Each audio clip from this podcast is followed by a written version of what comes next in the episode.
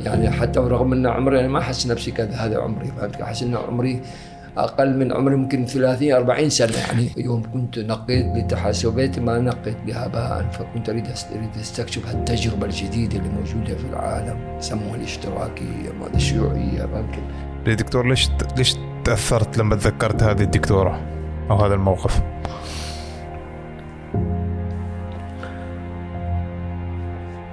تعلمت لنا.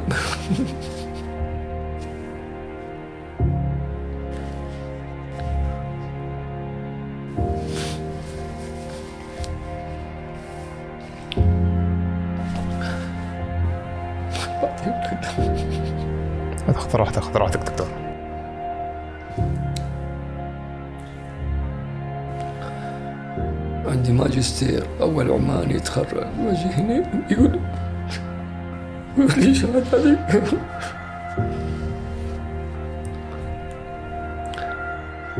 ما اعترفوا بشهاداتي ما اعترفوا من اللي ما اعترف؟ الحكومة؟ الوزارة؟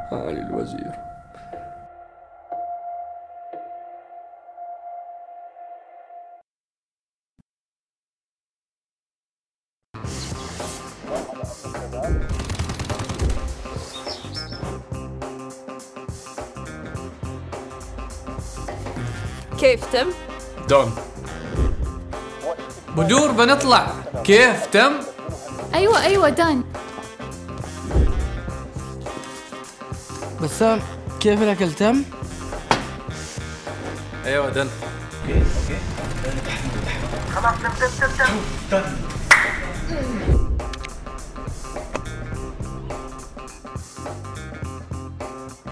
كيف جاهزين للتحدي؟ دن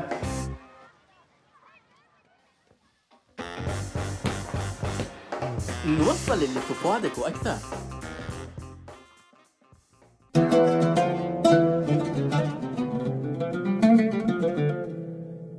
السلام عليكم حلقة جديدة من بودكاست جلسة كركة دقيق مع محمد الهنائي.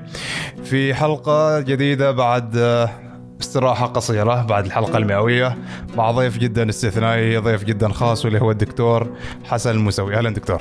أهلا وسهلا بكم فرصة سعيدة. ألتقي وياكم في هذا المكان الجميل. الله يحييك. يا مرحبا فيك. مثير جدا. الله يخليك الله يخليك. اولا آه، هذا اللقاء إحنا كنا ننتظره من زمان. لو ما كورونا والحظر وال... والحجر اللي صار. ف بس آه، أنا أول ما جيت فاجأت إنك أنت لابس جاكيت وفرحت لأنك أنت جاي باللبس اللي أنت ترتاح له. فخبرتنا إنك كنت جاي من البحر. أنا توني طالع من بحر لأن صار تقريبا مع شباب من 30 سنة شتاء صيفا ما أدري كل الفصول هذه ونسبح في البحر. ما شاء الله. تهمنا الأجواء حتى في مسميها نسميها مثل ضربة جون جولاي يعني ضربة موج قوية حتى في هيك الضربات نحن بعد نستمتع زيادة بعد نسبح زيادة بعد يعجبنا زيادة. عظيم. يعني من 30 سنة نفس الشباب نفس ال group؟ إيه، ويزيدوا ما- الحين group ما شاء الله عندنا group نحن نسميه ال group أسود البحار. أنا أنا سويت ال- ال group هذا. أول كنا عدد قليل ما الحين ما شاء الله عددنا زاد أكثر وأكثر. عظيم عظيم عظيم عظيم جدا. ف هذه الحلقة بتكون حلقة جدا عفوية. أه بنتطرق فيها لتجاربك أه خبراتك مغامراتك. بس بنبدأ من الخمسينات اللي هي الفترة اللي أنت انولدت فيها. في بداية الخمسينات تتوقع أه كيف كيف كانت هذيك الفترة؟ أنا مولود سنة 1950 وتحديدا في 7 نوفمبر. وولدت في مطرح مباشرة على الشاطئ. بيتنا كان البيوت اللي قدامك على الشاطئ هناك كنت مولود أنا فجرا. فأنا ابن البحر وابن الجبل وابن الشاطئ وابن ابن ابن مطرح الأصلي وال ما شاء الله. من من عصارة من رحيق مطرح. جميل جميل جميل جدا. فطبعا نشأت وكبرت هناك في مطرح. وأول سفراتي كانت اللي أتذكرها كانت سنة 57 تريد أتطرق الحين بالتفاصيل السفرة هذه؟ أه، أكيد أكيد أكيد. إيه، فهذه السفرة آه، بحكم أن عندي أخ أختين كانوا متزوجات في زنجبار وأختين كانوا عندي متزوجات على أهلنا في العراق. فطلعنا طلعة آه، سفرة هذه من ركبنا مركب من مطرح إلى بومبي زين؟ من بومبي هناك عاد في مركب خاص يوديك إلى زنجبار هذه. فأنا كنت بمعية أمي واثنين من أخواتي وابن خالي واحد هو اللي كان ويانا أكبر أكبر واحد هو اللي كان معانا اللي وأنا كنا أنا كنت صغير ويا أخوي محمد اسمه هو محمد كان عمره تقريبا خمس سنوات أنا عمري كان عمري سبع سنوات. فهذه مجموعة ركبنا ال- السفينة هذه تقريبا سفينة تستغرق الرحلة هذيك الفترة الزمان هذاك مدة 15 يوم. إيه، هذه كانت أول رحلة حالك في البحر؟ إيه، في البحر. هي أول رحلة بحرية طويلة هذه. طبعا مراكب كانت زينة يعني مو مراكب شراعية حديدية كانت. مثل دارة دواركا دمرة هذه اللي كانت تروح من مسقط إلى بصرة من مسقط إلى الهند. فنفس البواخر مثلها كانت تروح إلى إلى زنجبار إلى شرق أفريقيا. فوصلتوا هناك. وصلنا إلى زنجبار. الحمد لله وصلنا زنجبار. وبقيت في زنجبار تقريبا مدة سنة سنة كاملة هناك. كيف كانت الحياة في ذيك الفترة؟ زنجبار بالنسبة هذيك الزمان كانت من من الدول الراقية جدا يعني على مستوى العالم يعني. يعني كل شيء حتى تأخذ لك من الصرف الصحيح وصرف المياه العادية كانت موجودة كلها موجودة كده وبعد المدارس كلها كانت متقدمة. طبعا جامعات كانوا يسافروا إلى دول عربية مثل بالذات مصر أو إلى العراق أو كانوا يسافروا إلى أوروبا اللي يدهم طويلة. فزنجبار كانت جدا يعني من الدول الراقية على مستوى العالم هذيك الزمان. هذا كان تحديدا 1957 57 أنا عمري كان سبع سنوات. ما شاء الله ما شاء الله. آه، إيش إيش الذكريات؟ أنت تو تتكلم عن هذيك الفترة إيش الذكريات اللي تجي في بالك؟ والله أنا يوم كنت صغير أنا كان يعجبني أروح هناك آه، عندي كان سيكل فهاك السكيك آه، اللي موجودة مع زنجبار كأنك أنت يعني أنا جيت زنجبار ما شفت نفسي غريب لأني شفت نفسي كأني عايش في مطرح. لأن زنجبار كانها جزء من آه، من مطرح أو مطرح هي جزء من زنجبار يعني. في يعني نفس الثقافة نفس البشر نفس ال نفس ال- ال design هذا اللي موجود في عندنا في مطرح نفسه كان موجود في في زنجبار. فما كنت حاسق. غير اللغة اللغة ما كنت اتكلمها أنا. يعني اليوم جاء كنت أتكلم اللغة اللي العربية في مسقط. بعدين بقيت هناك الفترة هذه نسيت اللغة العربية وبديت أتكلم سواحلي. وبعدين لما رجعت؟ يوم رجع صار بالعكس يوم رجعت مطرح. جالس أتكلم سواحيلي. وهذيك العربية نسيتها فهذا أهل مطرح شباب وصغيرين صغار كانوا يقصوا علينا. وهذيك الزمان ما حد يتكلم اللغة هذه إلا أنا وأخوي محمد اللي أخ... أخواتي اللي موجودين وأخواتي كل واحد. ومن هذاك الزمان ما حد يتكلم. فالمهم عقدونا وكانوا يقصوا علينا شباب وهذا مني منك من المطرح. حتى نسيت السواحلي كلها بعد- بدأت أرجع إلى لغتي القديمة. زين هذه هذه كانت كلها في الخمسينات. إيه، 57 57 58 رجعت 58 رجعت إيه. مم، زين تعرف في هذه الفترة هي كانت تقريبا يعني فترة ولادتك كانت تقريبا بعد نهاية الحرب الحرب العالمية الثانية بسنوات. كانت فترة واجد متوترة في العالم كامل. تقريبا الحروب في كل مكان الحروب الأهلية في ثوار كثيرين طلعوا آه فيديل كاسترو تشي جيفارا وغيرهم.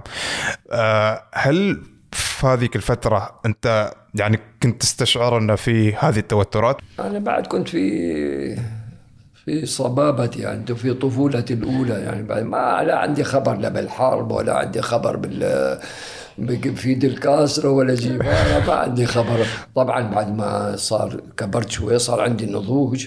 بعدين بد... كنت أفهم عن كل شيء بعد. بعدين دخلت في المعمعة هذه.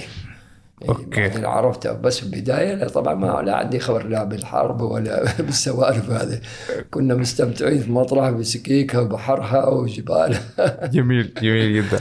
زين بعد بعد مطرح آه، هل كملت الدراسة في مطرح ولا؟ شوف زمان أنا كنت أدرس في مدارس. أول ما جيت أنا من زنجبار سمو والدي خلاني في مدرسة كتاتيب هذيك من الأول زين. كان عندي آه، يسموه في مكان يسموه نازي موية في المطرح هذا. عند الكمبار منط- منطقة اسمها عند الكمبار فوق عند العقبة هذيك.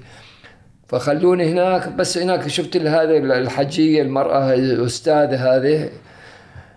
كانت مرأة كبيرة وغرفة ضيقة مظلمة وهذا أنا ما كنت متعود على هالظلام هاي فكنت أتضايق من هالغرفة هذه. كل ما يريد يعلمونك تدري هيك الأيام بس تقرأ قرآن وأشياء الفقهية وهذه البسيطة هذه الأولية. فكنت أنا أجلس شوي كنت أختنق ما كنت ما كنت أتحمل. مو من من ال- ال- القرآن ولا من الفقه هاي، بس من المكان الأجواء المجال اللي كنت عايش فيه كنت أتضايق منه فكنت أشرد. ما يرجعوني كنت أطلع أهرب. فكنت أريد احب يعجبني مكان فسيح مكان متفتح لأن أنا مولود عند البحر فأشوف البحر قدامي أشوف الفضاء والسماء هال- هالم- هالمناظر المفتوحه المكشوفه اللي تسر النفس؟ فكنت أرتاح للمناظر. فهذا خلوني في في الكتاتيب وغرفه قديمة وغرفة مظلمة فيها روائح ما كنت أتحملها فكنت أشرد. دائما بعدين خلوني في مدرسه خاصه مدرسه مدرسة خاصة. اللي هي؟ في في مدارس كثير كانت مدرسة. أنا كنت في مدرسة مع محمد علي. بعدين رحت بعدين هناك نفس الشيء ما عجبني انتقلت إلى مدرسة وين مع master master رضا بعدين ماستر قاسم. في النهاية سنة 58 فتحوا سموا المدرسة السعيدية. هاي بدايات هذه كانوا فاتحين المدرسة السعيديه وين؟ في حارة شمال. ما هي حقيقة كان كان بيت في البداية كان بيت. زين؟ فأنا يوم أثناء الفسحة شردت من المدرسة هذه هذيك المدرسة نفس الشيء في المدارس الخاصه بعد ما كانت ضاربة في راسي يعني. ظاهر أنا عندي ليش كان عندي نوع من انفتاح؟ كنت أبغى أريد أطلع وأشوف الدنيا العالم. فأنا قلت هالمدرسة مدارس أهلية ما بتعطيني هذيك المجال هذه المدارس الرسمية بتعطيني مجال أطلع. أخلص الابتدائي أخلص المتوسطة أخلص الثانوية والجامعة يعني ظاهر إنها فيها تنقل فيها حركة. فهذه طلعت من المدرسة الخاص شردت ورحت سجلت بروحي اسمي في الم- المدرسة السعيدية. زين؟ هذيك الأيام كان آه، أستاذ اسمه مدير مصطفى الرمزي. وكانوا بس فقط صف تمهيدي وصف آه، وصف أول. يوم جيت عند ال- المدير يقول لي أنت اي اي صف تبغاه؟ قلت يا صفوة صف أول هالشيء كبير. قلت سوي سجل لي في ليش؟ لأنه قلت وين ما مستواي صف أول إيه فأنا فكرت هذا شيء كبير. وقلت س- سجل لي في تمهيدي. بالرغم انت مستواك المفروض يكون في الأول. إيه برغم عمري كان ثمان سنوات. فقلت سجل لي في التمهيدي. فسجلني في التمهيدي. قلت هذا ممكن من الصف الأول من أولاد أكبر مني. وكلكم كنتوا نفس الاعمار تقريبا ولا؟ لا شوي في مثلا عندي اللي كانوا في الصف الأول أنا كنت هنا بعد النقطة هذه كنت اشوفهم أكبر مني فهمت كيف؟ فكذا أنا اخترت حل- بداياتي اخترت في المدارس الرسمية هذه اخترت الصف التمهيدي.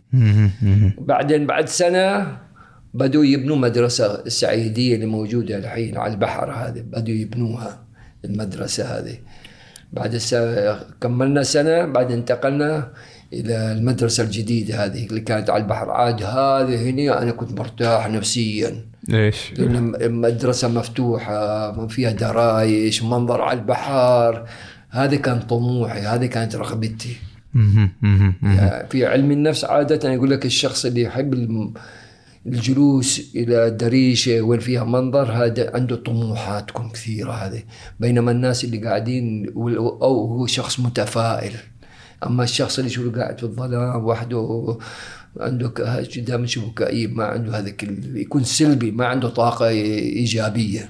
مهم. فأنا من بدايات وأنا صغير عندي الحمد لله إلى يومنا هذا عمري الحين هالعمر ما شاء الله كلها طاقات عندي إيجابية ما شاء الله، طاقات حسنة.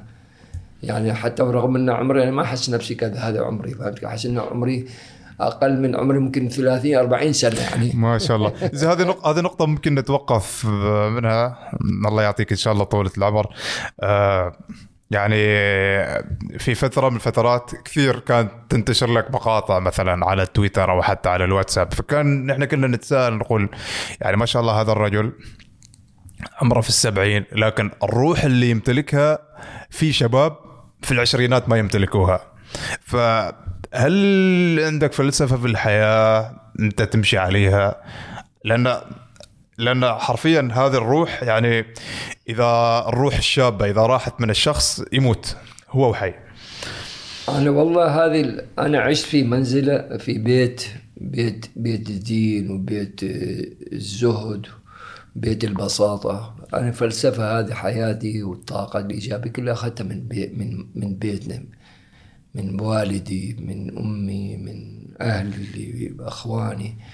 فحياتنا كانت حياة بسيطة أيام أيام زمان هذيك. فهذه الحياة كنا نشوف أن السعادة ليس في المبلغ في فلوس ولا شيء. السعادة إنما هي في البساطة في الزهد. هي هذه السعادة. إن الإنسان الواحد يكون حي... يعيش حياة بسيطة. نحن فعلا عشنا حياة بسيطة. وزمان أول ما تشوف حد إنه يشتكي بالرغم إن الظروف كانت صعبة ما في مكيفات ولا في هذه الوسائل الترفيه الموجودة الحين زمان هذا ما أشوف لك ما تشوف حد في مطرح حد يشتكي فهمت كيف؟ عنده شكوى. الناس كانوا مقتنعين كانوا قانعين بالحياة البسيطة بالرغم كنا ناكل لك سمك هذا فريش لحم فريش واللحم وغير وغير كل شيء الحين كان بالرغم اللي كان بسيط بس ناس كانوا مرتاحين. زي السعادة هي في البساطة في الزهد إحنا ممكن نربط هذه النقطة نقطة السعادة ب آه، مفهوم المعنى. يعني لما نسمع كلمة الحياة ولما تسمع كلمة الحياة إيش المعنى اللي بالنسبة لك؟ اللي تمثله بالنسبة لك؟ شو الفلسفة في الحياة أنها تعيش البساطة. إيه، وقليل من عبادي الشكور تكون شاكر جدا. ما تروح اللي كثير الشكوى عادة تكون عندهم طاقات سلبية. أوكي. إنسان شكور دائما تكون عنده طاقة إيجابية وشوف في وجهه نور نور يطلع. بينما هالناس حتى ولو عنده فلوس حتى ملايين هذه بس يكون عنده طاقة سلبية فلوسه ما لا تنفع ولا ولا تضر. زي دكتور انت كونك شخص يعني ما شاء الله تقريبا لفيت العالم كله انزين. فأكيد شفت أنماط حياة مختلفة اللي هو النمط ال- ال- المادي والنمط الزهيد والانماط كثيرة. في أشخاص كثيرين يعني مع تقدم العمر آه، يقول لك مثلا خلاص الحياة تغيرت يبقى يعني أو هو يبدأ يعيش الحياة حياة الماديات اللي نحن تو نشوفها اللي الناس ما تقدر تتخلى عن الأشياء المادية وتصرف فلوسها على أشياء آه، مثل ما يقول المظاهر.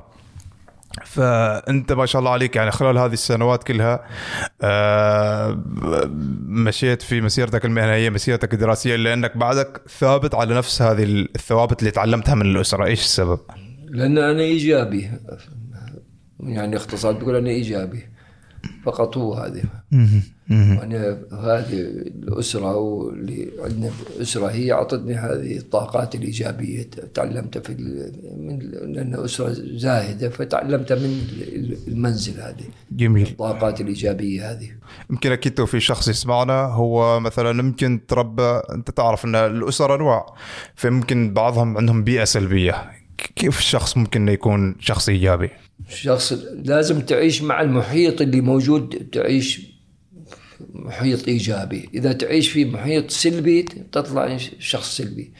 فأجمل شيء لازم أنت تشوف واحد يبحث عن أشخاص إيجابيين. أنا عندي موجود مثلا في مجموعة في أشخاص موجودين سلبيين. يصير عندي نفور منهم أبتعد منهم أحاول واحد أجنبهم. فالواحد دائما لازم ينجذب إلى إلى أشخاص يكون عندهم تكون عندهم طاقات إيجابية هذه. فأما السلبيين واحد يحاول يبتعد عنهم. وبعدين من وين تجيك الإيجابيات هذه؟ أول شيء طبعا إنك آه، تجي إلى أماكن طبيعة مثل في الوادي في السيح في الجبل بحر شاطئ. هذه أماكن تعطيك لها طاقات إيجابية هذه. يعني لازم كل يوم كل يوم إذا امكن واحد يطلع يطلع له في على الطبيعة يستمتع أما يجلس في غرفة مغلقة مثل ما قلت لك أنا ما ما أحب أماكن شيء مغلقة فيها ظلام ولا فيها ما يعجبني يعني. حتى بيتي أنا مثلا مثلا تصميم بيتي كأنك يوم تدخل في البيت كأنك عايش برا مو كأنك عايش كله ضوء كلها إنارة فهمت كيف؟ فشوف الناس اللي سلبيين شوف بيوتهم درايشهم صغيرة بيوتهم أكيد. ظلمة وستايرهم سوداء أو حمراء أو أو تكون يعني كذا لونها يكون قاتم.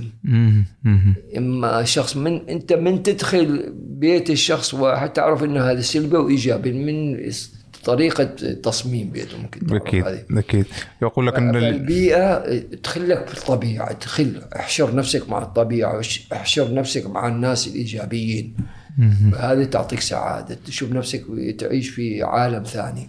عظيم عظيم عظيم جدا. إذا بنرجع للفترة اللي انتهيت منها في المدرسة تقريبا كانت في ال 65 أو 66 في ال 66 في 66 بعد المدرسة إيش؟ بعد ما خلصت أنا الصف سادس هذيك الأيام كان شيء كبير. تخلص صف سادس تدري؟ لأن أول شيء يقول لك هذا اللي يخلصوه كان يوظفوه وين؟ في دوائر حكومية. هذه الدوائر الحكومية كانت معدودة هذيك الأيام.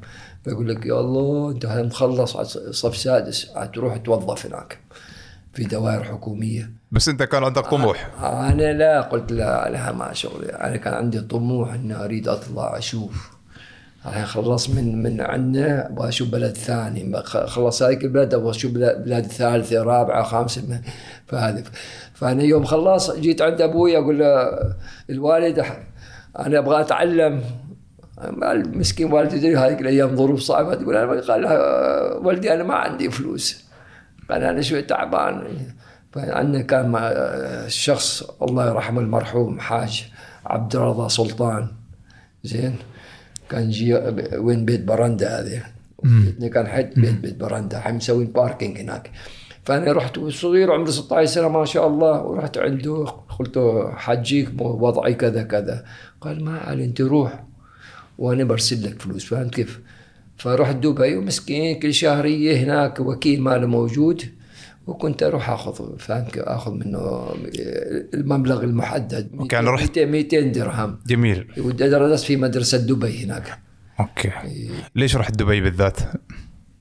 لأن هذيك الأيام الشباب كانوا يوم يتخرجوا من مسقط يعني ينقولهم وين آه، إذا عندك أهل في البحرين مثلا في أصدقاء عندي ناس عندهم أهل في البحرين يروحوا بحرين. حد عنده في ال- في الكويت يروح الكويت وحد آه، بغداد يروح بغداد. أنا ما كان عندي حد هناك. فأنا نقيت لي أقرب شيء دبي بالنسبة آه. لي. وطبعا سويت هناك أصحاب و... والحين هناك كلهم أصحاب اللي هوامير مثل ما نقول كلهم ربعي كلهم يعرفون إذا ادخل عندهم على طول آه، وبعدين كنا نحن متفوقين. نحن كنا ثلاثة عمانيين موجودين في الصف أنا والمرحوم أحمد سليمان والأخ محمد عبد الحسين هذه كنا ثلاثة. يوم نطلع عليهم أوائل مرة أنا اخذ يسموا الترتيب الأول مرة محمد مرة أحمد. كنا نتقاسم هذه ثلاثة المقاعد بيننا كانت. فهذه أولاد المشايخ أولاد ما المشايخ الكباريه كانت تعجب يقول أنتم كيف كيف تزيدوا علينا؟ فكنا نزيد عليهم نطلع من أوائل بالرغم من من رغم إنه بس مجرد مدرس كان يشرح لنا على السبورة مادة حتى أنا والله وحدي ما كنت أقرأ مع ما كنت أقرأ في البيت. هي هاي بتبقى عندي في مخيلتي خلاص. وكنا وهذه المساكين عندهم دروس خصوصيه وما أدري ماشي فكنا نزيد عليهم ما شاء الله. كيف كنتوا تقضوا الوقت هناك؟ عاد هناك تدري عاد هناك نهاية الأسبوع لازم عاد نروح لك السينما عاد السينما عندي مال جميرة هذيك الجميره كان صحراء هذيك. ولا نروح لك ما أدري السينما مال دبي. زين؟ فكنا نقضيها في السينما عاد. نروح السينما.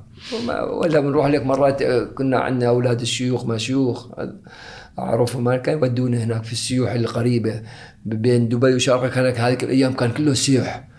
فكنا نطلع وياهم نصيد حق الصيد نطلع ويانا. نصيد هذه على طيور مع طيور.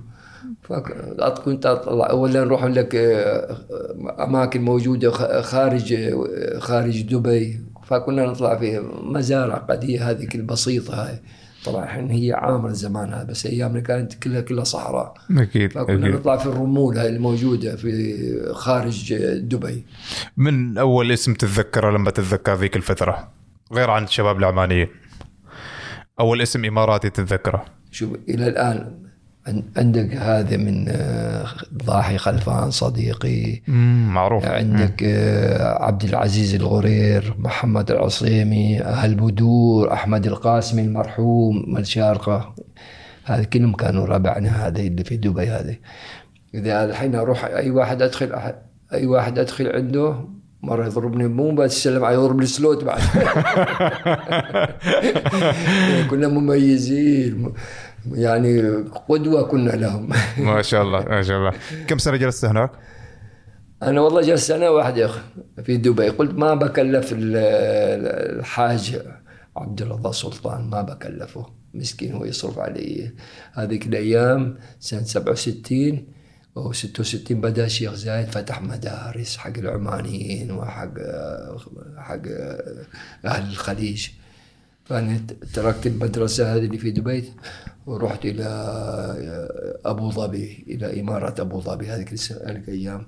فسجلت اسمي هناك في مدرسة جابر بن حيان وبعدين يوم هناك شفت يوم هناك ما شاء الله شفت أولاد شباب عمانيين كثير هناك مسجلين. بعدين طبعا أعطوني سكن داخلي بعدين كانوا يوفرون لي راتب تقريبا 100 درهم. وبعدين مأكل مشرب كل شيء ما شاء الله على على حكومة أبو ظبي كانت. حتى النظارة كان عندي شوية مشكلة في النظر. حتى النظارة كان يسوي لنا بلاش.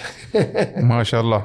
هذا الكلام في 67 67 68 68. أنا بقيت هناك إلى سنة 73 خلصت المدرسة؟ في مدرسة جابر الثانوية خلصت.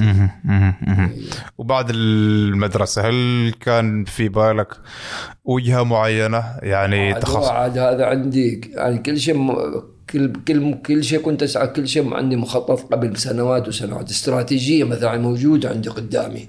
مو هباء منثوره كان عندي. يعني برنامجي عندي هدف منشود. إيش كان المخطط؟ مخطط إني أروح أدرس أكمل أكمل دراسة عليا. والشيء ثاني هو الطموح اللي كان عندي ان إن أكتشف البلادين. هذا أهم شيء. إن أنا أشوف أشوف الشعوب. هذا هذا لأن من صغير عمري ست سنوات وأنا طالع. فهذه بقت هذه الطاقة الها- الموجودة هذه موجودة عندي في دماغي فهمت كيف؟ في ذاتي بقت هاي ف فاستمريت يعني أنتقل من بلد إلى بلد وهذه آه، آه، قضية الدراسة المراحل مجرد هذه كانت نوع من آه، نوع من يسموه هذه فرصة بالنسبة لي إن أنا أكتشف البلا- البلدان هذه. هل في كان بالك تخصص معين تريد تدرسه ولا؟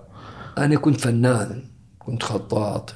مثل كل ما حتى كنا نطلع مظاهرات زمان أول هذه الملصقات الكبيرة هذه فكنت أنا كنت أخطط. مظاهرات وين؟ أي حتى مع المظاهرات مثل ما يقول لك اه- احتلال الجزر اللي ال- الإماراتية هذه الطب الكبرى مو سوا فنحن طلعنا شباب مظاهرات وضرابة ما أدري كيف شوارع أبو ظبي. فهذه شع... هذه كلها عادة أنا كنت أكتب. فكنت أعرف خط الرقعي خط النسخي خط الكوفي خط ما أدري إيش هذه كل الخطوط كنت اعرفها يعني يعني كان في مجال إنك تدرس آه، فنون. أنا هذا بس هذيك الزمان أنا أصلي أنا يوم كنت في دبي كل كلمه أنا سمو حتى في في في في, في مدرسة السعيديه كنت مميز في الرسم أنا كل ما أرسم شيء أنا يخلي لي الأستاذ الرسم كان يخلي لي في, في الصالة كان يعلق الرسم مالي. ما شاء الله. فأنا كنت بين بين الأقران أنا كنت متفوق عليهم في الرسم. ومتفوق عليه مثلا في الجغرافيا كنت أحب الجغرافيا رسم هالأشياء. شوف شو الجغرافيا كانت لأن فيها بي إس فيها بلادين فيها أكيد. كنت أعرف هذا وين وهذا. حتى كنت أرسم خارطة العالم. هذه خارطة العالم حافظنها غيب وأنا صغير وعمري خ- 15 أرسمها مرة. بالتفاصيل كنت أرسم الخارطة. إيه. ف فيسموا هذه بالنسبة بس ما صار إنك تدرس فنون. لأن هذيك الأيام ما في حد يشجع. كان الناس يدوروا لك يسموا تخصصات ضخمة يقول لك مهندس ولا طبيب ولا الاشياء المهمة اثنين ما هذه؟ تخصصين هذا يقول لك مهندس ولا طبيب. إلى يومنا هذا ناس عندهم موجوده العقدة طبيب مهندس. الاشياء الصغيره هاي ما كانوا الناس مهتمين فيها. ولا لو, لو أنا اليوم داخل في في, في الرسم الرسم ولا داخل في حتى في الخط. ممكن أنا أكون الحين أكون من رائد من كنت لو أنا كنت الحين رائد من رواد ال- الخط. أكيد. في عمان ولا حتى على مستوى الوطن العربي. لكن رحت مجال ثاني قريب أو بعيد ممكن؟ بعدين يوم درست أنا في روسيا بعدين يوم كنت أشوف الجراحة شفت في أشياء أشياء فيها تجميل ناس يجمل ناس مشوهين. تبي عندك تشوه خلقي فهمت كيف موجود. فاشوف ناس هاد- بروفيسورة هذه كنت أشوف واحدة حرمة كبيرة بس عملاقة في في جراحة التجميل. فكنت يوم أشوفها هذه أنا هذه قلت أوه هذه هذه هذه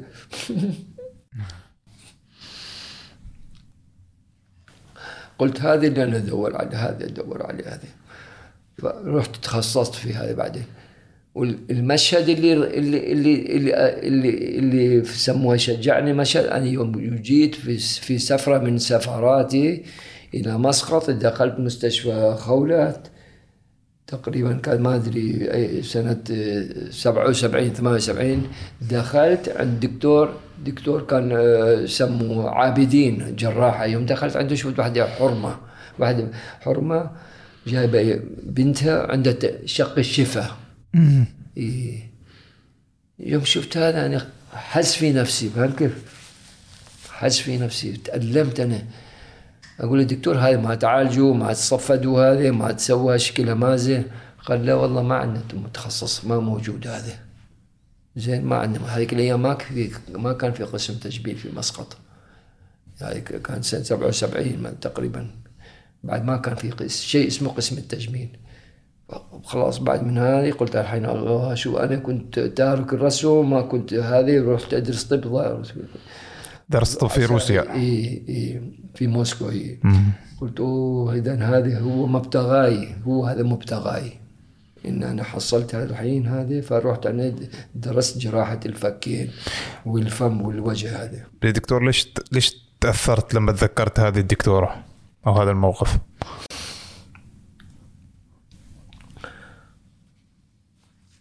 تعلمت لنا.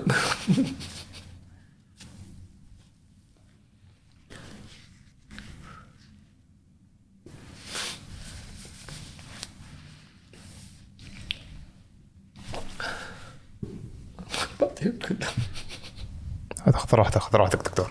خذ راحتك. بعدين بشوف. أنا ليش متألم جدا؟ تشوفني هذه الدموع تسقط من آه، من مقلتي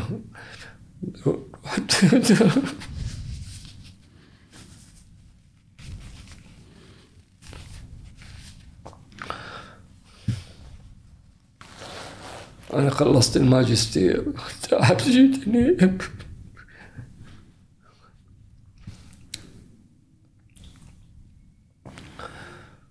عندي ماجستير. أول عماني يتخرج. وجهني يقول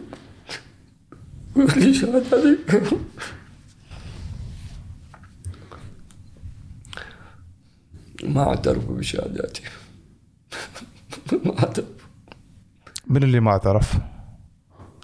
الحكومة؟ علي الوزارة؟ الوزير. علي الوزير تألمت قلت له يا وزير أنا أنا ما تهمني درجة تخليني درجة أولى درجة خاصة درجة ثانية هذه ما تهمني درجات هذه قلت أنا همي وغمي كله أن أنا جاي دار سنوات همي مواطن أساعد المواطن أحول الناس اللي عندهم تشوهات خلقية. وهذا كان هدفي من سبعة وسبعين يوم يوم من شوف دكتور عابدين إن هذا أنا أساعد المواطنين أخليهم الأطفال اللي مشوهين أخليهم جميلين حلوين.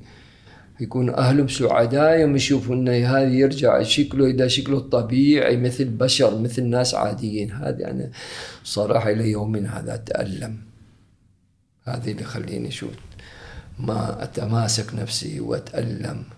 يعني- يعني أنا فقدت تخصصي اللي درسته هذه السنوات العمر الشريط الطويل من الدراسة مالي من ابتدائي في مطرح. إلى موسكو عشر سنوات قضيتها في تخصص وبعدين هذيك الأيام موسكو موسكو كانت تدري دراسة الاتحاد السوفيتي مو لعبة مو مثل الحين. كانت دراسة عظيمة.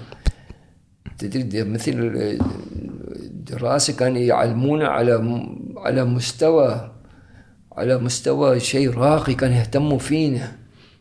انت بالذات انت جاي من عالم الثالث كان يهتموا فيك يخلوك انت طبيب ولا جراح على مستوى راقي. فكانوا يعلمونا تعليم زين. ف فهناك هناك هناك كنت أسوي عمليات مال مال تشوهات خلقية مال الفك العلوي مال الفك السفلي. في- في شوي ناس فكوكم طالع برا. شايف شباب فكوكم طالع برا. هاي التشوهات صعبة هذا ما في متخصصين في العالم قليلين. ما موجودين هاي تخصصين. أنا جايني أول واحد كنت أنا. 83 ها مو بسيطة هذه. أنا بعدين بعدي بعد بعدي أنا بعد ما سبع سنوات ثمان سنوات صرت أول واحد تخصص. ليش تخصص أنا في أوروبا الغربية؟ يعني أنت ما اشتغلت بشهادتك هنا؟ ما اعطانوا ما ما حصلت مجال ما حصلت مجال. فاشتغلت برا؟ ما بحب أنا أنا يوم جيت مستشفى أول ما جيت سنة آه، 83 رحت دبي. دبي هناك أعرفهم كلهم إدارة كلهم شغلوني. إدارة آه، بدور كان هناك هو كان في الإدارة. وبعدين أبو الهول هذا جمعة أبو الهول كلهم هذا كانوا وياي. هم كانوا في إدارة المستشفى. فأعطوني قال نحن نسوي لك كل شيء. صور. أعطوني كل شيء وأعتنوا فيه. بعد في بروف- بروفيسور كان واحد من النمسا قال نحن ما عندنا قسم هذا في إلى الآن. جراحة ال oral يسمى oral ال maxillofacial surgery. قال ما عندنا بس نحن نخليك في في ENT جراحة الانف والحنجرة بنخليك. وإن شاء الله مع المستقبل نفتح لك هذا. فهمت كيف؟ بس أنا بقيت هنا ست شهور المدام تقول أنا ما أريد هني. تقول لنا كنا ساكنين في سكن داخلي في الم- المستشفى قدام كله سياح هذيك الزمان كله سياح تقول أنا ما أبغى هنا كله سيوحي تريد ترجع هنا. هي تبغى تقول لا رجعني أبا عماني. يوم جات يوم جات جينا تقول هذه هاي هي هذه بلاد هذيك ما بلاد. في هذاك الوقت. فتركت. بالرغم إن هناك عندي فرص متوفرة.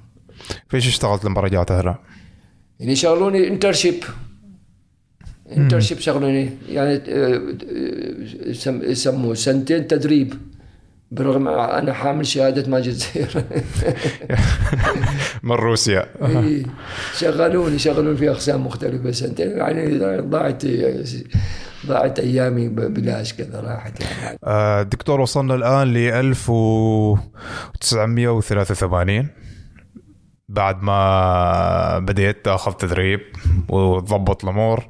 آه، هل لا زال شغف الترحال نفسه لما كنت صغير ولا خفت في هذيك الفترة؟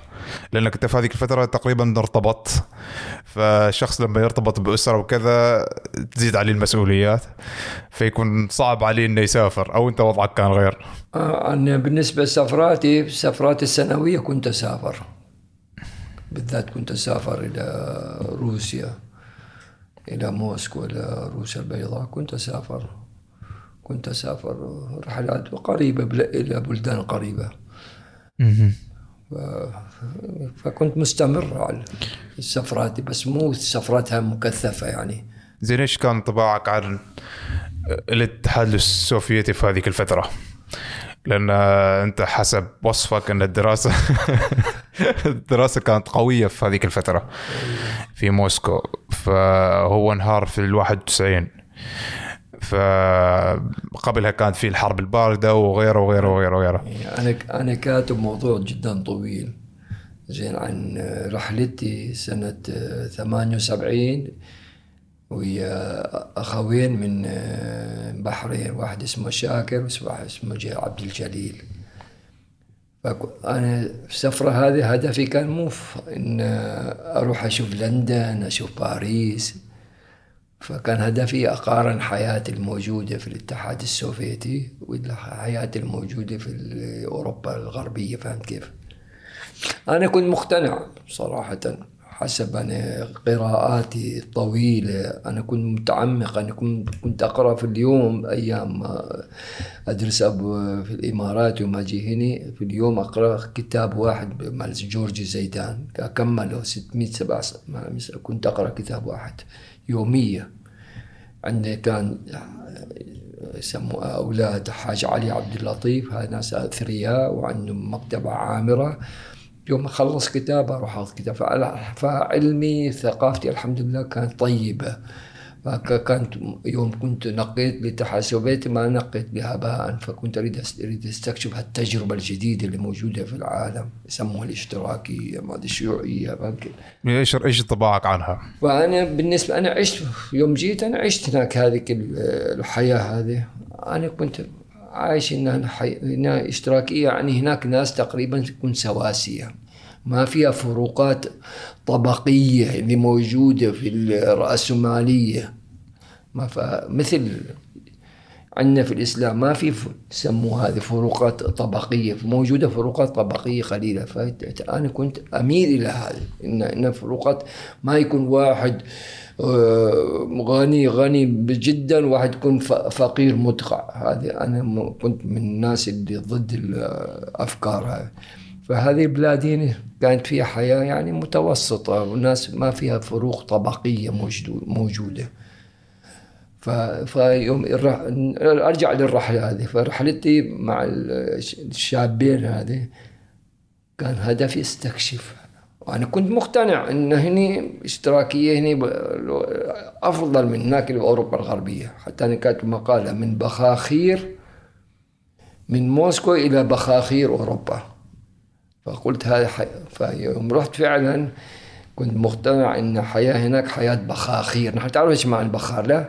المخزن هي مثل مخزن حياة يعني مو يعني هناك بلاد جميلة جدا. مثلا هناك تدخل لك في مترو شو مثل بخار. تجي في مترو مال موسكو شو لك هالعظمة هالقصور هالجمال وحتى الإناقة مال جمال الناس اللي يلبسوا لك ثياب جميلة. وحتى سلوك الناس لأن من من عدم الطبقية هذه الطبقية قليلة. فالناس هناك كانوا بسيطين متواضعين بينما تجي هناك شو لك متغطرس مغرور إلى يومنا هذا موجودين تعرفوهم أنتم نشوفهم على شاشات هاي أكيد هذا أتكلم حقيقة هذه؟ فأنت برأيك إن ال- فيوم رحت هناك أول ما جي ما نزلنا مطار هيثرو هذاك شوف رجل متعالي ما أدري كيف وتكلمنا من خشمه فهمت كيف؟ غير هناك إنسان متواضع إنسان زين طيب. ومشيت أمور هذه وطلعت وأنا مقتنع وكتبت هذه عن هالموضوع. تقريبا ممكن عندي عشر صفحات كاتبها من الموضوع كاتب عن هاي عن رحلتي هذه سنة 1987 كاتبين فيها تفاصيل كلها. إذا تريد ممكن ترجعوا للموضوع هذا عظيم عظيم جدا. إنزين بعد الآن تقريبا آه، أكثر عن 30 سنة هل زلت تعتقد أن الاشتراكية نظام فعال؟ لا لا هو نظاما طهورا أنا أسميه هذا. خذ لك الصين عندك ركوبة والدول مثل هذه. حياتهم بسيطة حياة بسيطة ما فيها حياة فروقات طبقية ما موجودة عندهم هذه مهما يتكلموا إعلاميا وأنا ما ما فيها ما فيها فروقات طبقية. الناس عايشين مرتاحين. تأمين صحي تأمين آه، دراسي تأمين ما أدري آه، كل كل تأمينات. حتى أنت م- موفر لك حتى بالسكن.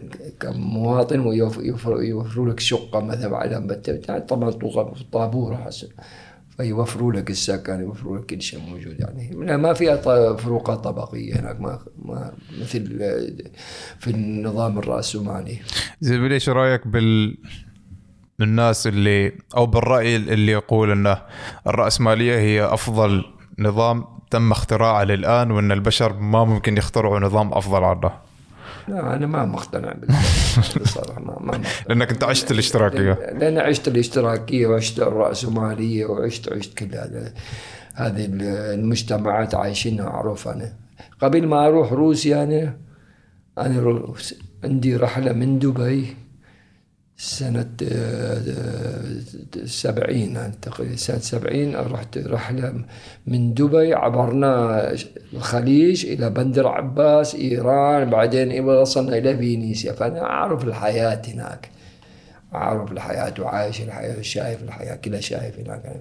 زين هنا الآن ب... بنتكلم عن رحلة أنت يمكن من أوائل الناس إذا ما كنت أول خليجي أو عربي يروح لجبال الهيمالايا. هذه الرحلة المجنونة. أنا بالنسبة لجبال هيمالايا أنا نظمت رحلتين.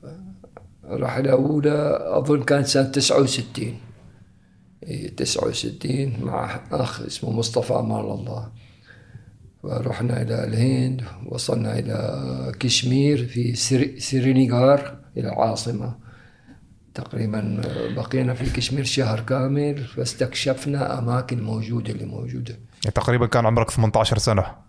هي فيها هذه كل 68. إيه، إيه 18 19 سنة.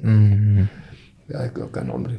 بس أنا قبل ما كنت أروح سنة كاملة خطط حق البرنامج. يعني بلانين كان عندي تخطيط سنة كاملة. ما كنت أروح فكنت ندل الأماكن حبة حبة. يعني كنت أروح مثلا أعرف هذه بالي ما شايف أنا أصلا مكان بس يوم أروح أعرف سائق وديني هنا وديني لأن عندي خرائط كلها موجودة كنت أعرف كل شيء أنا.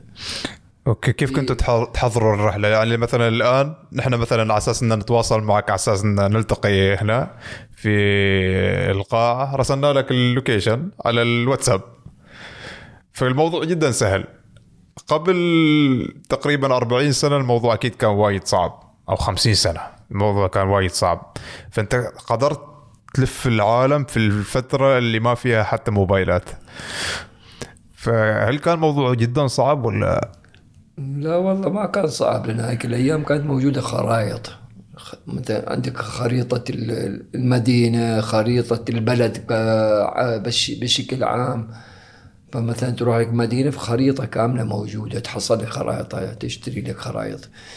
ويبيعوا فحسب من خرائط عاد عاد مثل الحين مثل انت في location جوجل بعد كل شيء دقق هذا أول شيء الحين بال- بالجهاز الحين أول بال- بالورقة. الحين رقمية أول كانت ورقية. وهذا الفرق. يعني ما في فرق. جميل. بالنسبة ورقية الخارطة قدامك أنا كنت أشوف أفضل.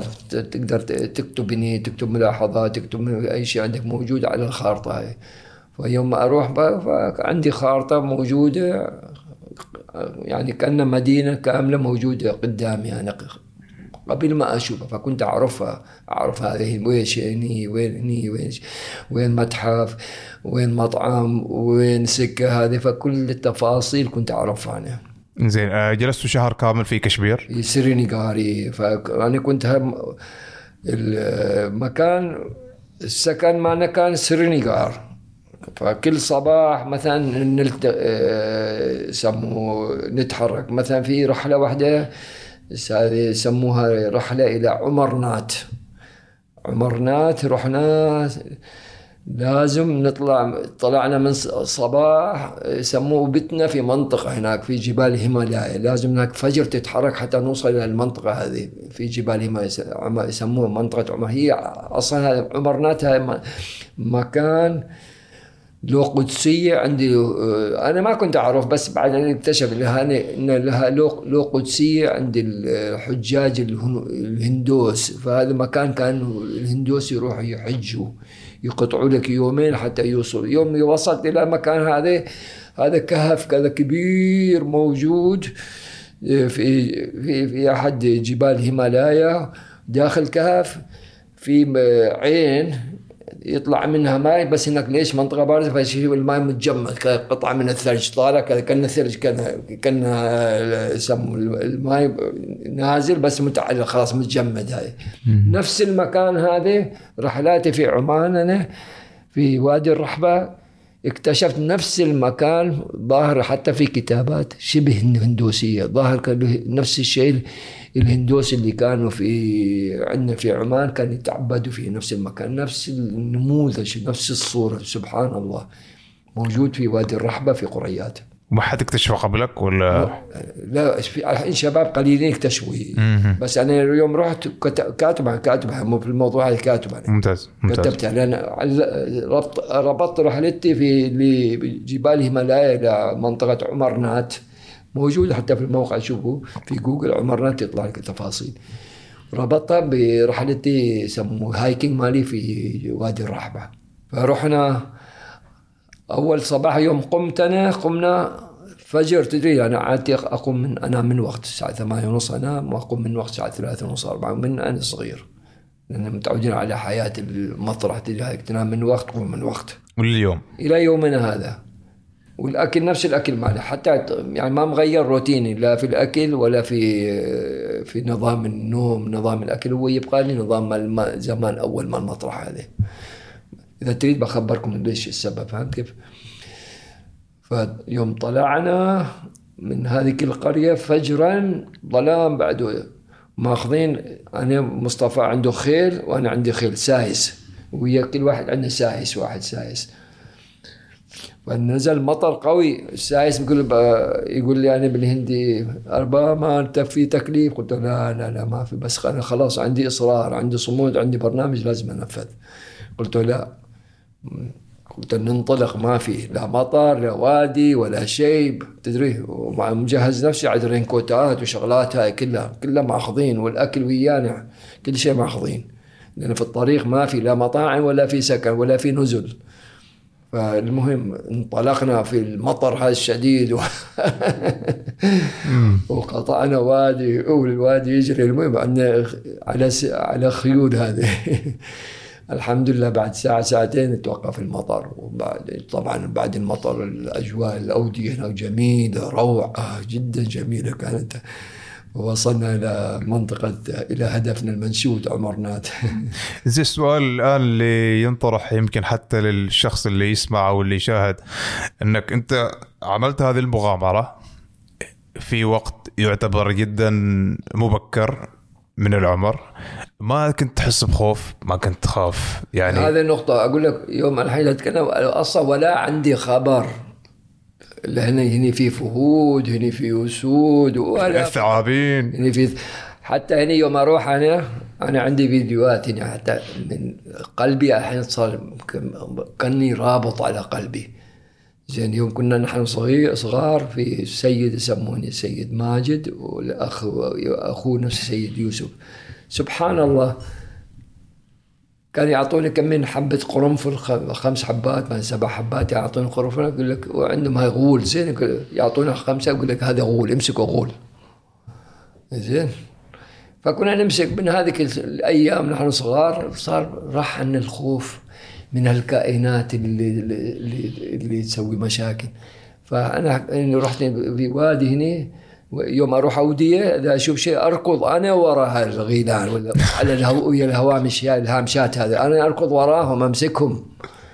عندي موجودة فيديوهات ماسكنهم كذا. هذيك اليوم رحنا وادي وادي عباية. زين في في فلج بس فلجها مغطاة زين. الفلج مغطاة هذه. يوم عند فتحة ال- الفلج هذه الفلج المغطاة ش- شفت الهامشة هذه. اللي صورته في الفيديو. لا غير هذا هيك ما واحد عليها. في اثنين ما واحد عليهم. زين هذه. فرحت بعدين دخل دخلت في النفق تقريبا 20 متر ادور على الهامشة هذه.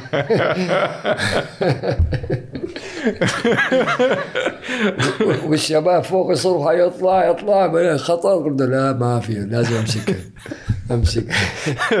هذه لا ال- ال- الهامشة هذه انصدمت إنه أنا أول مرة أشوف حد يجي هو يريد. اي لا عندي سوالف كثيرة من هالقبيله يقول لك الناس هم يشردوا من هوامش يشردوا من رولات أبو الرول وأنت تركض وراهم. زين دكتور آه، كنا نسأل إنه آه، ما صادفت أنت حيوان مفترس مثلا؟ ذيب أسد؟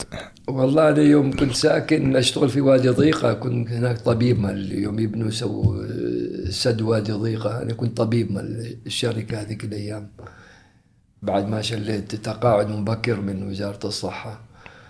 فعادة أنا أقوم من فجر. فهذيك اليوم قمت الساعة ثلاثة فجر قايم. شفت نفسي متضايق قلت أنا خلي اطلع شوي خارج شوي اطلع برا في الشارع شوي. يا أخي وأسمع صوت غريب صوت كذا قوي حياتي قلت يا الله إيش هالصوت هذا؟ فشوي شوي شوي سحبت نفسي رجعت دخلت البيت. صوت كلب ذيب بس ما مو شغل كلب كلب معروف بس أعتقد هاي الشيء كان لا ثعلب ولا شيء ظاهر كانه ذيب كان هذا. ضبع يمكن. ممكن ضبع ممكن ضبع. ممكن ضبع. معروف الضبع كذا في صوت إيه، غريب. ممكن ظ- ظاهر كان ضبع مو إذا ضبع ممكن يصح كلامك. فالمهم المهم واحد رجعت للبيت أنا. أحسن. عندي موقف هذا. بس وجها لوجه ما لا ما صادفت.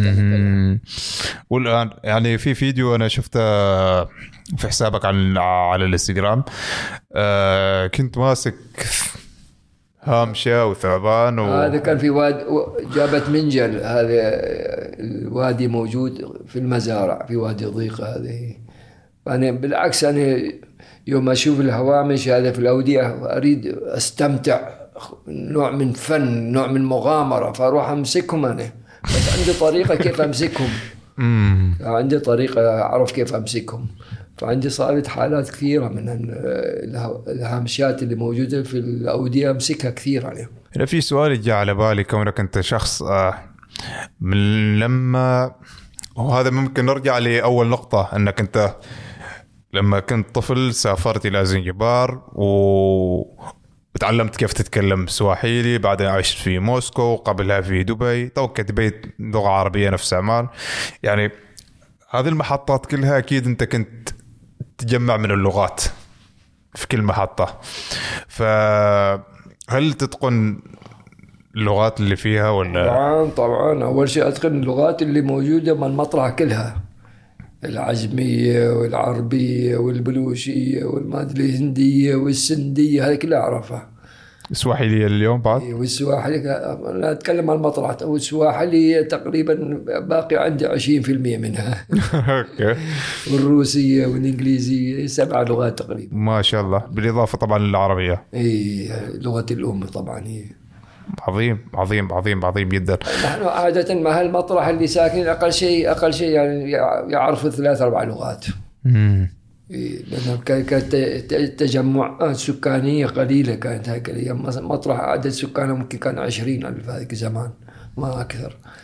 فكان في تو- سمو أواصر صداقة قوية موجودة بالمجموعات. ما جدا قوية كانت. زي هل تحس ال- هذه اللغات راح تندثر؟ يعني مثلا هذه الأجيال أنا أعرف شباب من مطرح من هذاك الصوب ما سمعتهم في ولا مرة إنهم مثلا يتكلموا بهذه اللغات. قليل يعني مثلا في بعض اللغات اللي اللي بدوا أولادهم يتكلموا إلى لغة ال- اللغة الأصلية للبلد ممكن تندثر على مدى عقود زي ما المفروض إن الدولة تحافظ عليها يعني يعتبر تراث هذا جزء من التراث. والله هذا هذا عد من مهمات أهل الشأن هذا فهمت كيف؟ المسؤولين لازم طبعا هذه أشياء تراثية لازم يحافظوا عليها.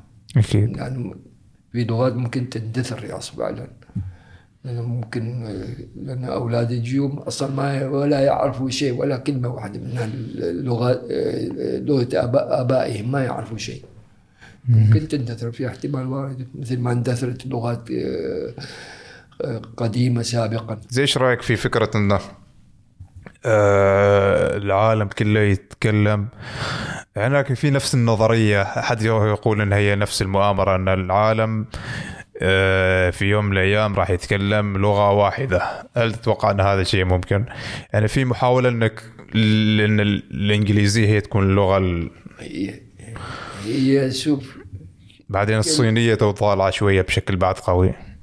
هذه شوف ك- كل دولة عظمى تريد تفرض وجودها في العالم تريد تفرض فكرها وثقافتها فهذه طبعا أحد أهدافهم. انه يلغوا اللغات الموجودة الموجودة في البلد. تبقى إن لغتهم هي لغة العالم. هذه نظرية قديمة معروفة موجودة زي لو, لو تلاحظ إن في اللغة الثانية في كل دولة هي لغة الاستعمار سابقا. يعني بطريقة أو أخرى. يعني مثلا في دول اللي هي ال- الشمال الافريقيه تتكلم فرنسي. بس ما عاد هنا في الخليج تقريبا اللغة الثانية هي الإنجليزي. ممكن لأنهم حلفاء أكثر مما أنهم. عاد هذه المهمة واقع على ناس المفكرين والمثقفين وهم عليهم واجب أن يحافظوا على لغة الأم. لأن إذا إذا إذا مثلا أنا عايش في الأيام الخمسينيات اليوم أنا أشوف اللغة العربية بين أولادنا وبين احفادنا مو هذيك اللغة اللي كنا نتكلمها اللي, اللي أنا كنت أنا أتكلم اللغة غير اللي كانت اللي يتكلموا اللي كانوا قبلي. صحيح. فمع العقود مع السنوات اللغات لغتنا الأم تضعف تضعف. حتى شو املائيا ضعيفين حتى كتابيا خطأ. ما أدري كثير أخطاء. أنا عندي كان واحد ممرض شوي كنت أريد أكتب قصة قصيرة. قلت من فضلك انت اكتب يوم كتب لي ما ما قدرت أنا أقرأ هذه. كلها اخطاء إملائية موجودة. يعني كأني أنا مو يعني إذا واحد يقراها يقول إيش القصة هذه؟ كلها خربطه هذه. ففعلا إن تأثيراتها موجودة. تأثيرات دولة كبيرة تفرض وجودها على الدول الدول الضعيفة. زي دكتور ما فكرت إنك توثق رحلاتك أو تجاربك في السنوات هذه في كتاب مثلا أو في سيرة ذاتية. أنا عندي مخطوطات ممكن موجودة مخطوطات خمسة إلى سبعة مخطوطات بس أنا ما عندي مثل ما أقول له يسموها ما عندي كيف قدرات ما أعرف كيف أطبعها ما أدري كيف ما عندي إمكانية يعني أنت تحتاج شخص هو واحد يدفرني يدفعني يشجعني أما هي مادة موجودة كلها مكتوبة مخطوطة كلها. يعني يحولها إلى كتاب. فقط هي أما هي موجودة عندنا كله أكتب. أنا عندي أنا مثلا عندي يوميات بناء سدي وادي ضيقة عندي تقريبا آه، خمس كراسات موجودة. يعني إذا خمس كراسات إذا إذا اطبعها تطلع لك ممكن كتاب 700 صفحة. مكتوبة كلها موجودة أنا كل شيء أكتب. أنا أروح البحر يعني شوي صباح أكتب. وأنا أروح الهايكنج شوي أكتب. فكل شيء عندي موثقة موجوده بس عندي شغلة إنه ما ما ما, ما مطبوعة. هاي- هاي- مخطوطة مخطوطة بس ما مطبوعة. بس ممكن ان في حتى يسمع أو يتبنى هذا المشروع؟ إي والله شيء جميل بيكون إن شاء الله. يعطيني واحد يعطيني حماس حماس. ما في حد يعطيك حماس. أكيد لأنه هذا عندك ال- العارف الكبير المولوي زين؟ المولوي. ولو يسموا هذا الرومي جلال الدين الرومي.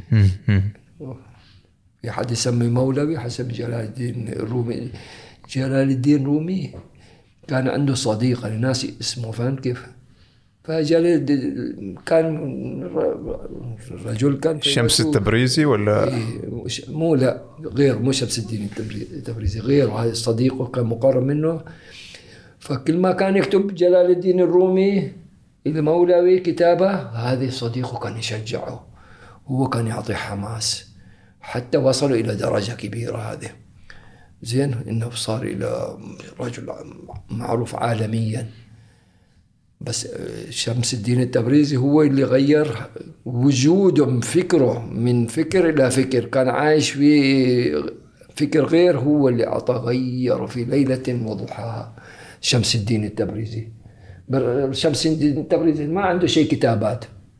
صحيح. ما عنده مخ...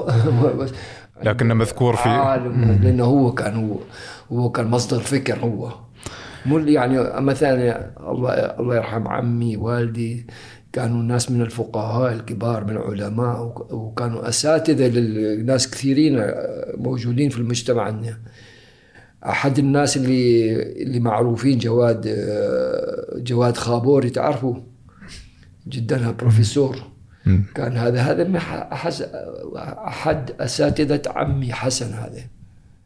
بس عم بينما عمي حسن ما عنده شيء كتابيا ما موجود. بس هو مثل قضية شمس الدين تبرز. كان بس مفكر كان بدون كتابة. في فالناس اللي بدون كتاب عندهم فلسفة. أنا سألت أخوي سيد تقي قلت ليش هذا ما عنده كتابة؟ أبوي ليش ما؟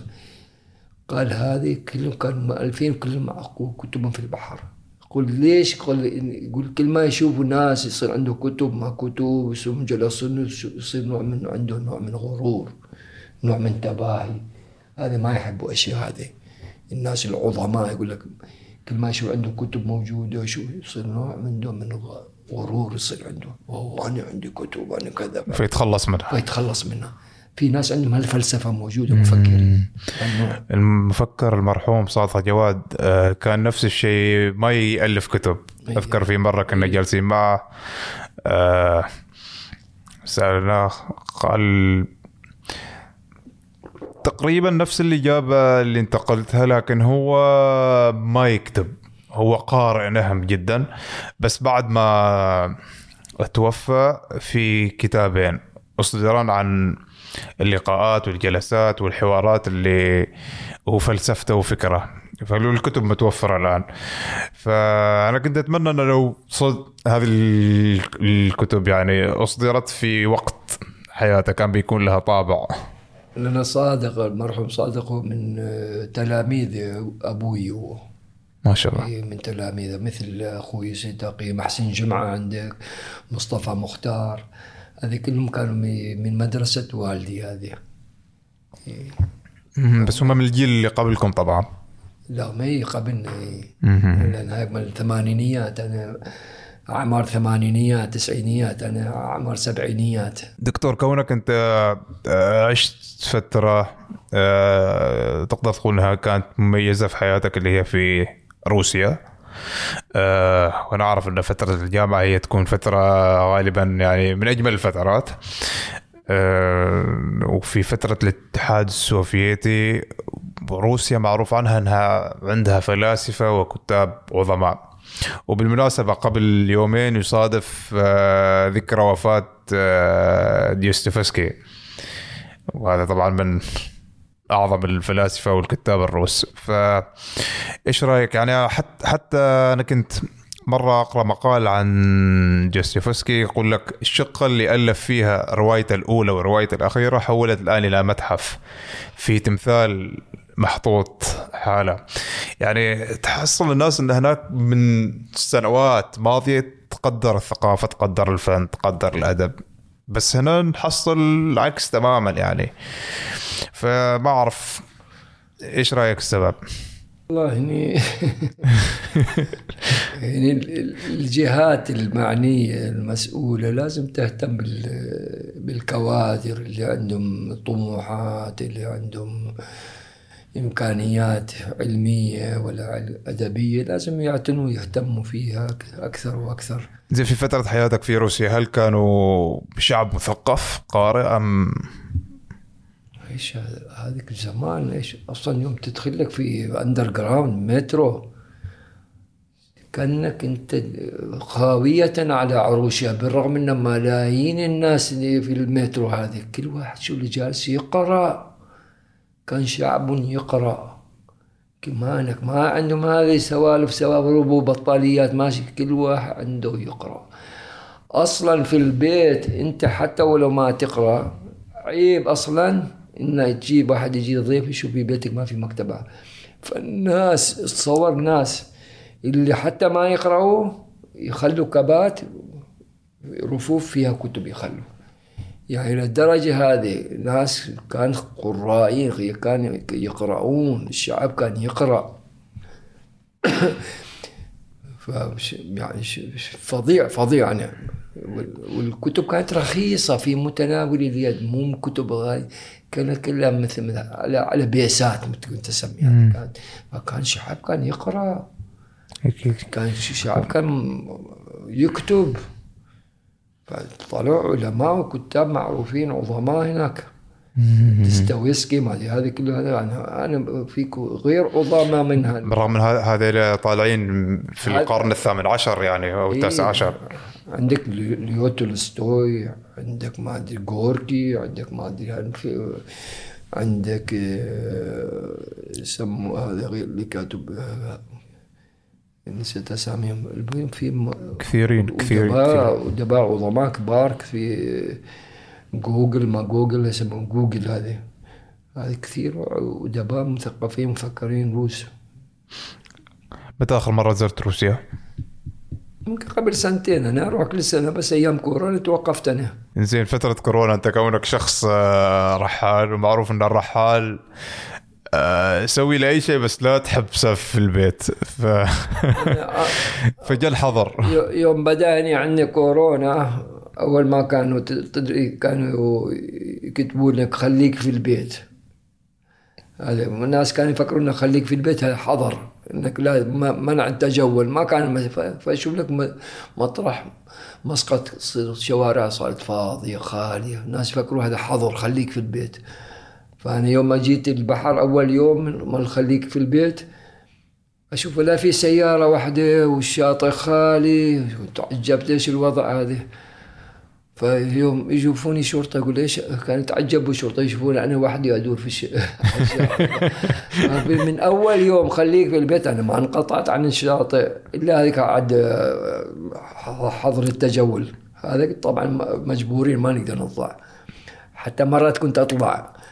كنت أروح مطرح أشوف أختي لأنك طبيب. أنا أطلع أي مكان. عندي عندي آه، يسموها رخصة طبيب موجودة فما ما حد كان يمنعني بعد. فكنت أطلع ما عندي مشكلة. مرات أطلع عذرا أو بدون عذر. مرات أروح مثلا حد أريد أضرب اضربه إبرة فأروح اضربه إبرة. حتى أدخل روي أدخل مطرح بالنسبة لي كان عادي أنا. أوكي يعني ما تأثرت كطبيب- واجد كطبيب الحمد لله لا ما حتى أيام الحظر بالنسبة للاطباء ما كانت في مشكلة. مهم. بس تراوي لك ال licence مالك يقول لك تفضل. زين في فترة كورونا تحديدا في آه، حاجة انتشرت بين الشباب وهذا شيء وايد حلو اللي هي طلعات ال hiking.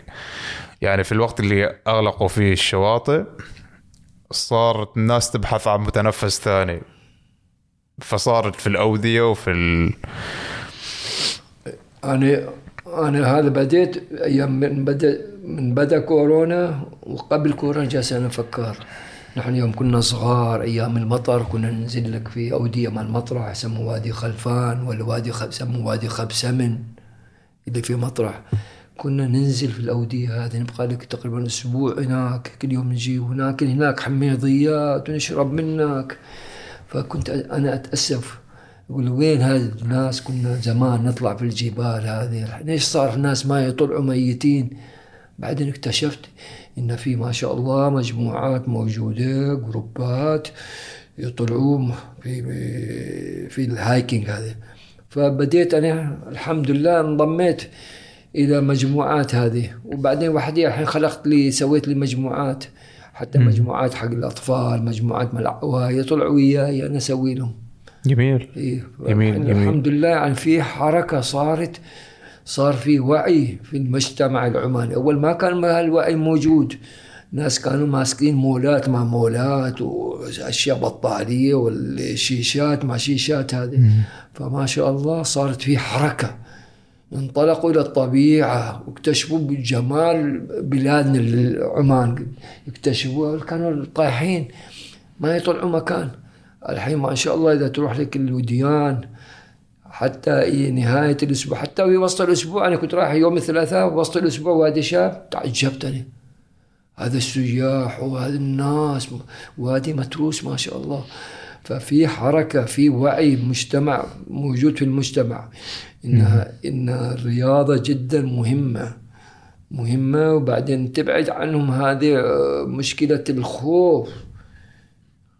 إنه يبدأ بدل هو الخوف هو أكثر شيء يخلق المرض يسموه يزيد يضاعف المرض. وكثير تصير حالات وفيات من من الخوف. فالحمد لله الحين في- والطاقة السلبية بعد. إيه فالحمد لله الحين ما شاء الله في وعي موجود بين الشباب حتى بين الكبار في السن حتى بين الأطفال. أنا عندي جروبات موجودة حتى مع الأطفال أربع سنوات. أوديهم هايكنجات صعبة ما شاء الله. ما شاء عوائل أوديهم. هذا كله شغل تطوعي طبعا ولا؟ تطوع ولا كل شيء تطوعي. جميل. كل شيء عمل تطوع أنا أشوف الناس سعداء يفرحوا اوديهم أول شيء الأقربون اللي موجودين واللي اللي أصدقائي الأقربون. هاي فأروح أوديهم وياه مرة في الأسبوع مرة. متى ما يريدوا أقول لك يلا جهزوا نفسكم. تعرف ال ال يعني الله يعطيك الصحة والعافية. آه، إنك أنت في عمر ما شاء الله آه، 72 72 وص- وتطلع هايكات صعبة. أنا لما كنت أحاول أحضر الحلقة وأشوف الفيديوهات أقول يعني عارف عارف هذه الخطوط الجبلية. نحن طلعنا قبل مدة في آه، شبه هايك. كان في أحد الأشخاص آه، في فترة شاهين آه، مسكين توفى. فطلعنا عملية بحث في وادي في وادي عدي. فهذا كان أول هايك بالنسبة لي أنا.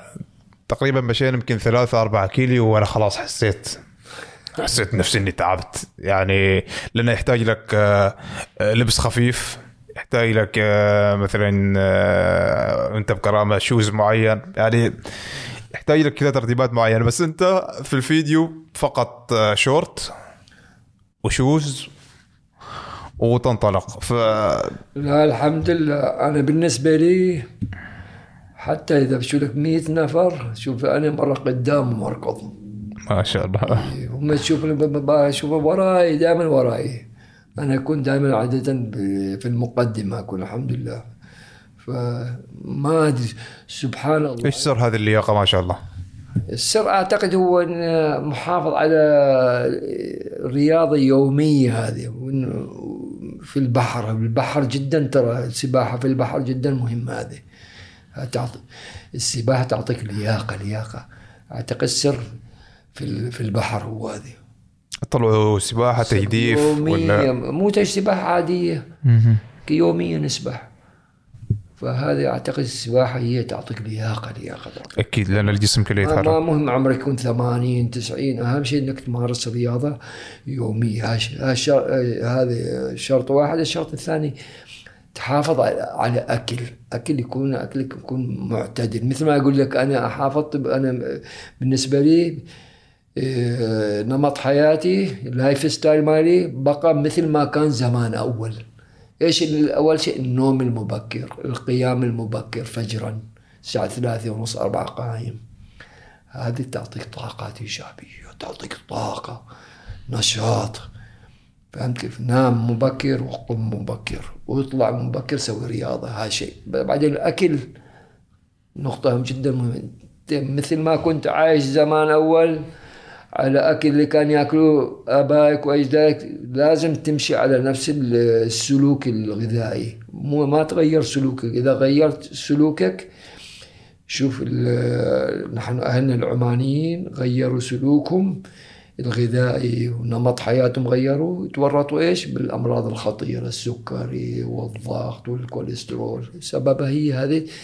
ال lifestyle نمط نمط الحياة. أكيد وما في حركة. غيروه. هو نمط الحياة يسموه ال lifestyle كله غيروه هاي تورطوا فيها. أكيد بتجيهم امراض زي إيش نصيحتك لهذا الجيل؟ وأنت شايف إن نمط الحياة الأغلب اللي صاير هو إذا بغينا نقول lifestyle المدينة اللي انك بس بزر يجيك تجيك الوجبة لين عندك وغالبا تكون burger fries chips فايش نصيحتك حال هذا الجيل؟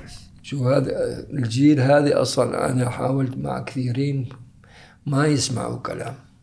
مشكلة ما يسمعوا كلام. تقول وما يفكروا أنت رج- رجل عمرك كذا كذا أنت مخرف أنت ما تفهم شيء وأنت كذا. هم يفكروا نفسهم هم فاهمين. بس يوم يتورطوا بالمرض بعدين يذكروك أوه كذا كذا. بعدين هم بعد ما ما زالوا عايشين هم أصحاء معافين. يعني منغم يكونوا منغمسين في ال- الحياة اللي عايشين فيها في الهمبرجرات هذه في النارجيلات هذه في الكشرة أو المشروع اللي نسميه هذه من زمان أول. فيكونوا عايشين بس يوم يمسكهم مرض بعد هاك اللحظة خلاص يرجوا يذكروك أنت بعدين خلاص من بعدين بعد فوات الأوان يقول لك يعني. يصير عنده سكري يصير يصير عنده ضغط يصير عنده كوليسترول مساكين ما يتورطوا فأكثر الجيل هذا غالبا ما عندهم وعي لأن ما يقرأوا شيء ما يقرأوا بس يسمعوا فقط فقط يسمعوا ويشاهدوا فقط.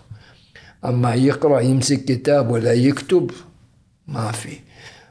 أنا كنا نح- رحنا رحلة مع عمق الرباخ. أنا كان وياه مجموعة في واحد اسمه أخ أبو عبد الله زين. هذه كان جايب كراسة صغيرة جالس كان يخط قلت له هذا عبد الله سجل هذا وثق كل شيء. حتى أشجعه سويت له الحين بس على أساس هو كاتب وأنا ملقى منقع هذه. سويت له تقريبا عشر صفحات مال رحلة عمق الرباخ هذه وجبل الأبيض. تقريبا بقينا هناك يومين هذه. حتى أشجعه أشجعه أشجع الناس شباب إنك اكتبوا مو بس تقرأوا اكتبوا وثقوا. إلى يومنا هذا أنا أقول لهم اكتبوا وثقوا فهمت كيف؟ المجتمع عندنا موجود مجتمع غير قارئ غير كاتب. مثل أنت تقول مجتمع كيف بالنسبة للتحسب كان يقرأوا وكان يكتبوا. آلاف الكتب كانت تصدر سنويا. عندهم في المجتمعات الراقية والمجتمعات القارئة. نحن عندنا مجتمعات ما تقرأ. مجتمعات كسولة. اتكالية استهلاكية. يعني هي. هو أهم شيء مثل ما قلت لك يوم يقرأوا يستكشفوا الحقائق يشوفوا فهمت كيف؟ إذا يكتب هاي خلايا دماغية ما تكون شغالة. بعدين يكون عنده وعي أرقى. بدون قراءة بدون كتابة الوعي يكون عنده وعي يكون ضعيف. القراءة أي شيء يقرأ القراءة تولد عند الإنسان الوعي اليقظة الصحوة. فهي القراءة جدا مهمة. هي حتى أنا ما أتكلم وياه حتى ما أنصح بس مجرد إنه هو يقرأ القراءة هذه تخلق عنده الوعي طبعا. تخلق عنده الصحوة. في بروفيسور اسمه جوردن بيترسون يقول إنه آه، ما في أخطر من إنسان يقرأ ويكتب في نفس الوقت لأن هذا عنده آه، يسموه هذا power of knowledge قوة المعرفة. إذا عندك المعرفة ممكن إنك تنحط في أي مكان وتنجو. وخصوصا طبعا القراءة لأن توسع عندك المدارك. الكتاب ال- الشيء الأبرز اللي تسويه أو من أقوى الأشياء اللي تسويها عند الشخص اللي هي تطور ملكة التفكير الناقد. بحيث إنه هو ما فقط تمر عليه الأشياء كذا مرور الكرام يعني يكون في وضع تحليل طول الوقت. أكيد أكيد. دكتور حسن تقريبا وصلنا ساعة ونص. الحمد لله. آه، رسالة أخيرة لمتابعين البرنامج. نصيحتي للسامع والمشاهد انه يكون أول شيء يكون إيجابي ما يكون شخص سلبي.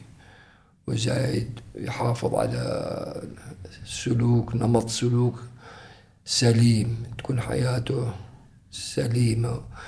ويعيش النمط اللي عاشوا به آبائهم وأجدادهم ما يغيروا سلوكهم. اللي كانوا أجدادهم والجينات اللي موجودة في جسمهم. إن الجينات خلاص متعودة على نمط. أنت صح ظاهريا بس الجينات الموجوده والخلايا الموجودة في بدنك هي ما متعودة فلازم أنت تعيش نفس السلوك اللي عاشوا فيه أجدادك.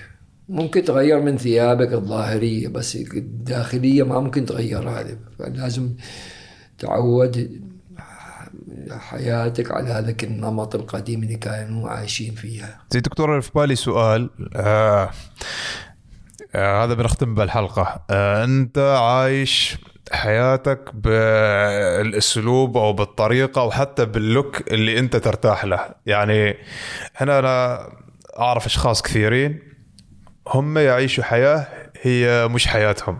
يعني هو يمثل على أساس إنه يرضي الناس. فأنت إيش فكرتك عن هذا الموضوع؟ لأنك أنت ما شاء الله يعني عايش حياتك بالطريقة اللي تناسبك. تروح البحر تروح الهايك تروح ال... شوف الش- الشاب الحين يرك- يركض وراء المظاهر. لأن إنس- إنسان الله خلق أطوار. فالشاب يريد يكون مظهري أكثر شيء. من يكون فعلي.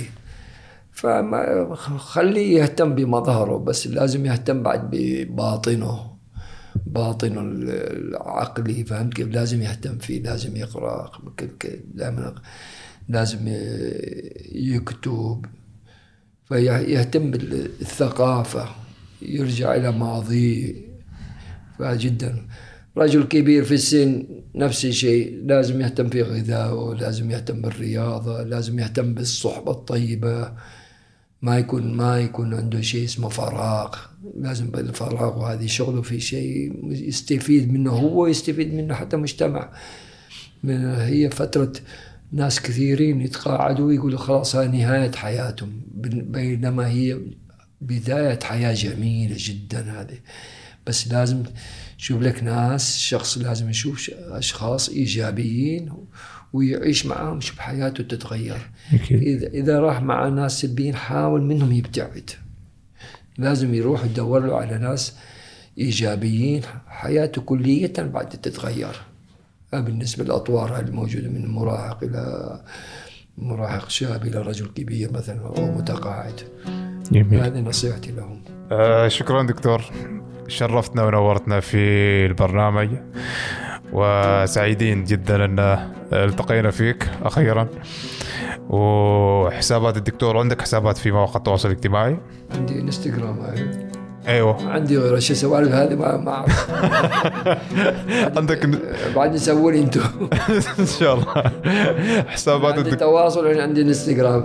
سوالف غيرها كثيرة ما مسويها. آه انستغرام. ما أنا ما أبغى أدوخ نفسي كثير بالهذا لأن بعدين انشغل تدري؟ ساعتين بس بالهذه الشغلات هذه بالباقي أقرأ وأكتب. ممتاز ممتاز ممتاز. إذا حسابات الدكتور بنحطها في صندوق الوصف وأيضا رابط الاستماع للحلقه إذا عندكم أي تعليقات أو انتقادات شاركوا معنا. إيميل البرنامج موجود أيضا في صندوق الوصف إذا حابين نعمل أي تعاون.